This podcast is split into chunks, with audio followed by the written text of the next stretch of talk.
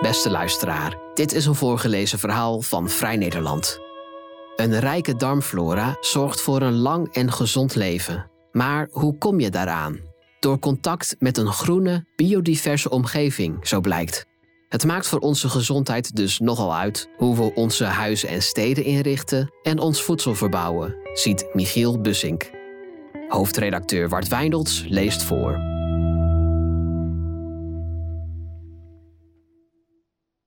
Wij mensen zijn geen individuen. Ons lichaam is namelijk niet één organisme, maar een ecosysteem met massa's micro-organismen op onze huid, in onze darmen, in onze ogen, longen en alle andere denkbare fysieke krochten. We dragen 100.000 miljard bacteriën en andere eencelligen met ons mee, minstens duizend verschillende soorten. Daarmee hebben we meer niet-menselijke genen bij ons dan humaan erfelijk materiaal. Bah, vies, akelig, denken we dan in eerste instantie misschien. Want we hebben geleerd dat bacteriën onhygiënisch en gevaarlijk zijn. Soms is dat inderdaad zo. Maar dat zijn de uitzonderingen. Het overgrote deel van de bacteriën en schimmels dat in en op ons leeft, is onontbeerlijk. Voor het functioneren van onze organen, voor het opnemen van voedingsstoffen, voor bescherming tegen virussen. Voor onze gezondheid dus, niet alleen fysiek, maar zeker ook mentaal. Dat blijkt uit onderzoek. Proefdieren die bijvoorbeeld de darmflora van depressieve mensen kregen toegediend, werden zelf ook neerslachtig. Anders dan proefdieren die lichaamsmateriaal van levenslustigen binnenkregen. Wij zijn kortom symbiotische wezens. Een verandering in de gemeenschap van voor ons blote oog onzichtbare lichaamsbewoners beïnvloedt ons welbevinden. Zo wordt bijvoorbeeld de verdubbeling in 30 jaar van het aantal mensen met allergieën en andere auto-immuunziektes in verband gebracht met onze veranderde darmflora en fauna. Volgens Emmeran Mayer, een Duits-Amerikaanse hoogleraar gastroenterologie, kunnen ook aandoeningen als obesitas, hart- en vaatziekten, allerlei ontstekingsziektes en depressies niet losgezien worden van de toestand van de verzameling micro-organismen oftewel ons microbioom, onze interne biodiversiteit. Hoe wij als gastheren samenwerken met dat microbioom wordt op verschillende plekken in de wereld onderzocht. Zoals de darmflora van 90 en 100-jarigen in de befaamde Blue Zones, regio's als Sardinië en Okinawa in Japan, waar mensen relatief oud worden. De onderzochte hoogbejaarden blijken niet zozeer meer bacteriën bij zich te dragen, maar wel een twee keer zo hoge diversiteit als de gemiddelde volwassenen. Deze biodiverse ouderen waren gezonder, gebruikten minder medicijnen en hadden een langere levensverwachting. Amaran Meyer gaat er uitgebreid op in in zijn boek The Mind-Gut Connection. Hij is blij verrast dat na 30 jaar specialistisch darmenonderzoek zijn onderwerp ineens in het brandpunt van de belangstelling staat. We zijn ons brein, vond hersenonderzoeker Dick Swaap in 2010. Dat blijkt nogal eenzijdig, op zijn zachtst gezegd. We zijn ook onze darmen. In de maag, dikke en dunne darm, huist ons immuunsysteem, inclusief een groot deel van onze hormonen die onze slaap, eetlust, pijnbeleving en stemming reguleren. Ons darmstelsel wordt aangedreven door een zenuwstelsel dat redelijk autonoom van de hersenen kan functioneren en is met een oppervlakte van 450 vierkante meter groter dan onze huid. Maier schrijft: Het is een belangrijk raakvlak met ons milieu. Net zoals in natuurlijke ecosystemen wordt de gezondheid van onze darmen bepaald door de diversiteit en de overvloed aan verschillende soorten bacteriën en andere micro-organismen in wel duizend varianten. Hoe groter de diversiteit van ons microbioom, hoe weerbaarder en resistenter tegen ziektes. Maier schrijft: Met minder kans op chronische ziektes zoals diabetes 2, obesitas, geheugenverlies, Parkinson en depressies. Maar hoe komen we aan die innerlijke biodiversiteit? Het begint met onze moeder, Via haar geboortekanaal ontvingen we de eerste cruciale porties heilzame microben, aangevuld via de moedermelk. Dat valt terug te zien in de statistieken. Kinderen die met de keizersnede zijn gehaald, of die geen borstvoeding kregen, hebben later grotere kans op het ontwikkelen van allergieën. Het is niet zo verwonderlijk dat antibiotica gebruiken, ook al is dat soms onvermijdelijk, een flinke aanslag op onze bacteriële rijkdom betekent. Patiënten met een rijke darmflora hebben die na een antibiotica-kuur wel sneller weer op orde dan zieken die voorafgaand aan de kuur van binnen met een meer monoculturele microbiële gemeenschap leven.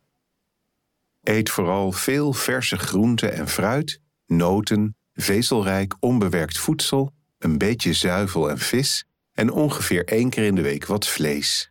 Dit door de officiële voedselrichtlijnen voorgeschreven advies klinkt ons bekend in de oren. Het is een stuk gezonder dan een dieet van veel vlees, suiker, zout, wit brood, bewerkt en ultrabewerkt, industrieel kant-en-klaar voedsel.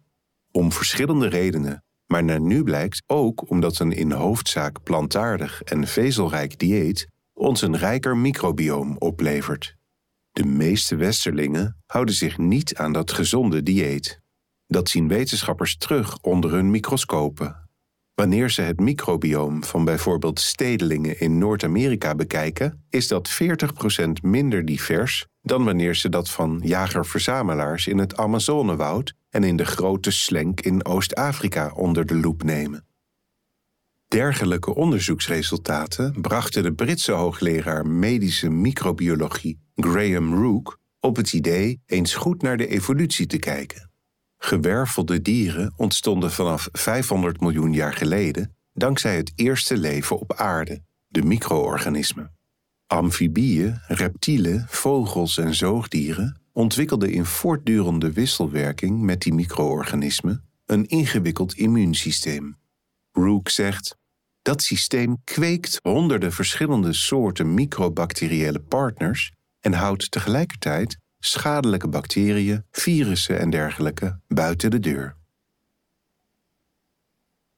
Behalve via hun moeder en via voeding kregen onze verre voorouders een grote diversiteit aan micro-organismen binnen via hun leefomgeving, waaronder de grond, letterlijk door ervan te eten. Rook zegt: Alle jonge gewervelde dieren hebben de neiging om grond te eten, ook menselijke baby's. Als je baby's buiten hun gang laat gaan, stoppen ze dagelijks 20 gram grond in hun mond. Volgens Rook had Freud het mis toen hij beweerde dat dat iets van doen had met de seksuele ontwikkeling van het kind. Rook zegt: Een veel logischere verklaring is dat baby's daarmee waardevolle micro-organismen opnemen. Geofagie, het eten van grond of klei, is onder sommige inheemse bevolkingsgroepen nog steeds gebruikelijk vooral onder zwangere vrouwen, om daarmee gebrek aan bepaalde nutriënten te ondervangen. Dat bracht Rook op het idee voor de aanzet voor een nieuwe theorie, de Old Friends-hypothese, ook wel biodiversity-hypothese of biodiversiteit-gezondheidshypothese genoemd. De basis van die hypothese is dat ons immuunsysteem biodiverse microbacteriën van buiten nodig heeft om goed te kunnen functioneren. Oftewel de zogenoemde Old Friends, waarmee we zijn geëvolueerd, zowel van onze moeders als die uit de natuurlijke omgeving. De hoos aan allerlei welvaartsziekten wordt dus onder andere veroorzaakt doordat we grotendeels in stedelijke gebieden wonen en te weinig in contact komen met een natuurrijke omgeving. Met geld van de Nederlandse Organisatie voor Wetenschappelijk Onderzoek, de NWO, zijn de universiteiten van Leiden, Amsterdam en Maastricht dit jaar begonnen de relatie te onderzoeken tussen de natuurlijke rijkdom in ons lichaam en die in planten, bodem en voeding. De onderzoeksprogramma's kwamen er mede dankzij Marco van S. van stichting Back to Nature. Twintig jaar lang werkte deze chemisch technoloog voor een bedrijf dat probiotica ontwikkelt. Van S. zegt: De meeste immuungerelateerde ziektes houden verband met verarmde diversiteit van ons darmmicrobioom. Maar ik kwam erachter dat de diversiteit van ons microbioom niet zozeer gebaat is bij industriële probiotica. Wel bij diverse plantaardige voeding en meer contact met planten, bomen, dieren, bodem. Alleen valt daar voor een probiotica-bedrijf niks mee te verdienen. Van S besloot daarom voor zichzelf te beginnen en het bewustzijn erover in Nederland aan te wakkeren door onderzoek aan te jagen en kennis beschikbaar te maken. Hij zegt: Ik vind dit een ongelooflijk fascinerend onderwerp, omdat op een meetbare manier blijkt dat wij mensen onlosmakelijk verbonden zijn met onze omgeving. Van S vertelt over verschillende buitenlandse onderzoeken die de biodiversiteitsgezondheidshypothese ondersteunen, zoals Finse onderzoekers die een groep kinderen in de leeftijd van 3 tot 5 jaar in tweeën opdeelden. De ene groep kinderen speelde gedurende twee weken op een speelplaats met een microbieel rijk bodemleven, de andere groep op een zanderige speelplaats arm aan bacteriën. Na vier weken hadden de kinderen op de meer natuurlijke speelplaats een gevarieerder darmmicrobioom en uit hun bloedwaarde bleek een grotere weerbaarheid tegen immuunziekten. Verrassende resultaten kwamen ook uit een Amerikaans onderzoek onder kinderen op het platteland. De ene groep bestond uit Amish, de andere uit Hutterieten. Twee gesloten plattelandsgemeenschappen met strenge protestantse leefwijzen die erg op elkaar lijken. Met één groot verschil. De Amish bewerken hun land nog zoals meer dan 100 jaar geleden, met paard en wagen en zonder chemische bestrijdingsmiddelen. De Hutterieten daarentegen hebben de intensieve industriële landbouwmethode, inclusief chemiegebruik, volledig omarmd. Amish-kinderen bleken vier tot zes keer zo weinig last te hebben van astma en andere allergieën. Laboratoriumonderzoek toonde een oorzakelijk verband aan met het microbieel veel gevarieerdere stof in de huizen van de Amish-kinderen. Muizen die stof van Amish-huishoudens kregen toegediend, werden gezonder. Van het hutterietenstof werden de muizen ongezonder. Nu zou je misschien de conclusie kunnen trekken dat we onze hygiënische manier van leven overboord moeten zetten. Laat baby's lekker hun mondjes vol modder proppen als ze in de tuin rondkruipen. Stop met handen wassen. Laat het vaatdoekje op het aanrecht gewoon een paar weken liggen. Maar dat is toch iets te simpel. Van S erkent: juist hygiënische maatregelen, zoals fatsoenlijke riolering, hebben ons de afgelopen eeuwen enorme gezondheidswinst opgeleverd. Maar het is niet handig om het kind met het badwater weg te gooien. Contact met de paar promiel ziekmakende bacteriën moeten we vermijden. De rest hebben we hard nodig. Meer blootstelling aan natuurlijke bacteriën beschermt juist tegen ziekmakende bacteriën en maakt ons anderszins gezonder. Stel dat de biodiversiteitsgezondheidshypothese klopt. Wat betekent dat dan voor onze landbouw, voeding en de inrichting van onze huizen en steden? Uiteindelijk komt de microbacteriële rijkdom uit de bodem. Daar huist een derde van de biodiversiteit op aarde. Maar het gaat nogal slecht met de Nederlandse landbouwbodems door overbemesting, chemische bestrijdingsmiddelen, zware landbouwmachines, verdroging en monoculturen. Daardoor is een flink deel van het bodemleven verdwenen, met uitzondering van die paar procent biologisch bebouwde landbouwgrond waar het bodemmicrobioom veel rijker is. Wat voor invloed heeft dat op onze voeding en gezondheid? Dat wordt nu onderzocht door wetenschappers van onder andere de Universiteit van Maastricht en het Louis Bolk Instituut. Die gaan bijvoorbeeld tomaten geteeld op substraat vergelijken met tomaten van de volle grond en de invloed op ons darmmicrobioom. Er is wel onderzoek dat een indruk geeft van die invloed. De Oostenrijkse Universiteit van Graz vergeleek met chemische middelen geteelde appels met biologische appels. Die laatste bleken een veel grotere rijkdom aan bacteriën en schimmels te bevatten, waaronder ook meer bacteriën die als gezondmakend worden gezien. Microbioom in bodem, plant, voeding en mens, het hangt allemaal nauw samen.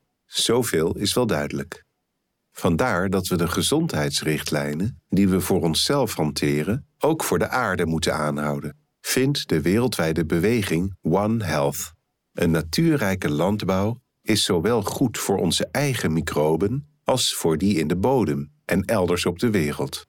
Naast One Health heeft deze integrale manier van kijken een stoet aan andere nieuwe woorden opgeleverd, zoals eco-holobiont en holomicrobioom oftewel het alomvattende netwerk waarin microben op aarde inclusief die van onszelf, samenleven. Het symbioseen, waar we volgens de Australische milieufilosoof Glenn Albrecht naar zouden moeten streven, doet recht aan de onlosmakelijke verbondenheid tussen mens en natuur. Anders dan het huidige tijdperk van het door menselijke vervuiling en klimaatverandering gedomineerde Anthropoceen. De vraag is of we kunnen wachten op meer hard bewijs voor de biodiversiteitsgezondheidshypothese. Marco van S zegt: De EU streeft naar 25% biologische landbouw in 2030. Dat is sowieso al de bedoeling. Als die hypothese klopt, en daar zijn nogal sterke aanwijzingen voor, is dat een extra argument. Hetzelfde geldt voor de inrichting van onze steden. Van S zegt: Die zijn we al groener aan het maken om hittestress te bestrijden. De gezondheidsvoordelen via een rijker microbioom komen daar nog eens bij. Het mooie van de nieuwe inzichten over het belang van het microbioom is dat natuur daarmee niet langer iets is dat buiten ontstaat, vindt Van S. Hij concludeert: bijdragen aan meer biodiversiteit betekent voor ons een meer weerbare gezondheid. Met dat besef breng je de natuur weer bij je naar binnen.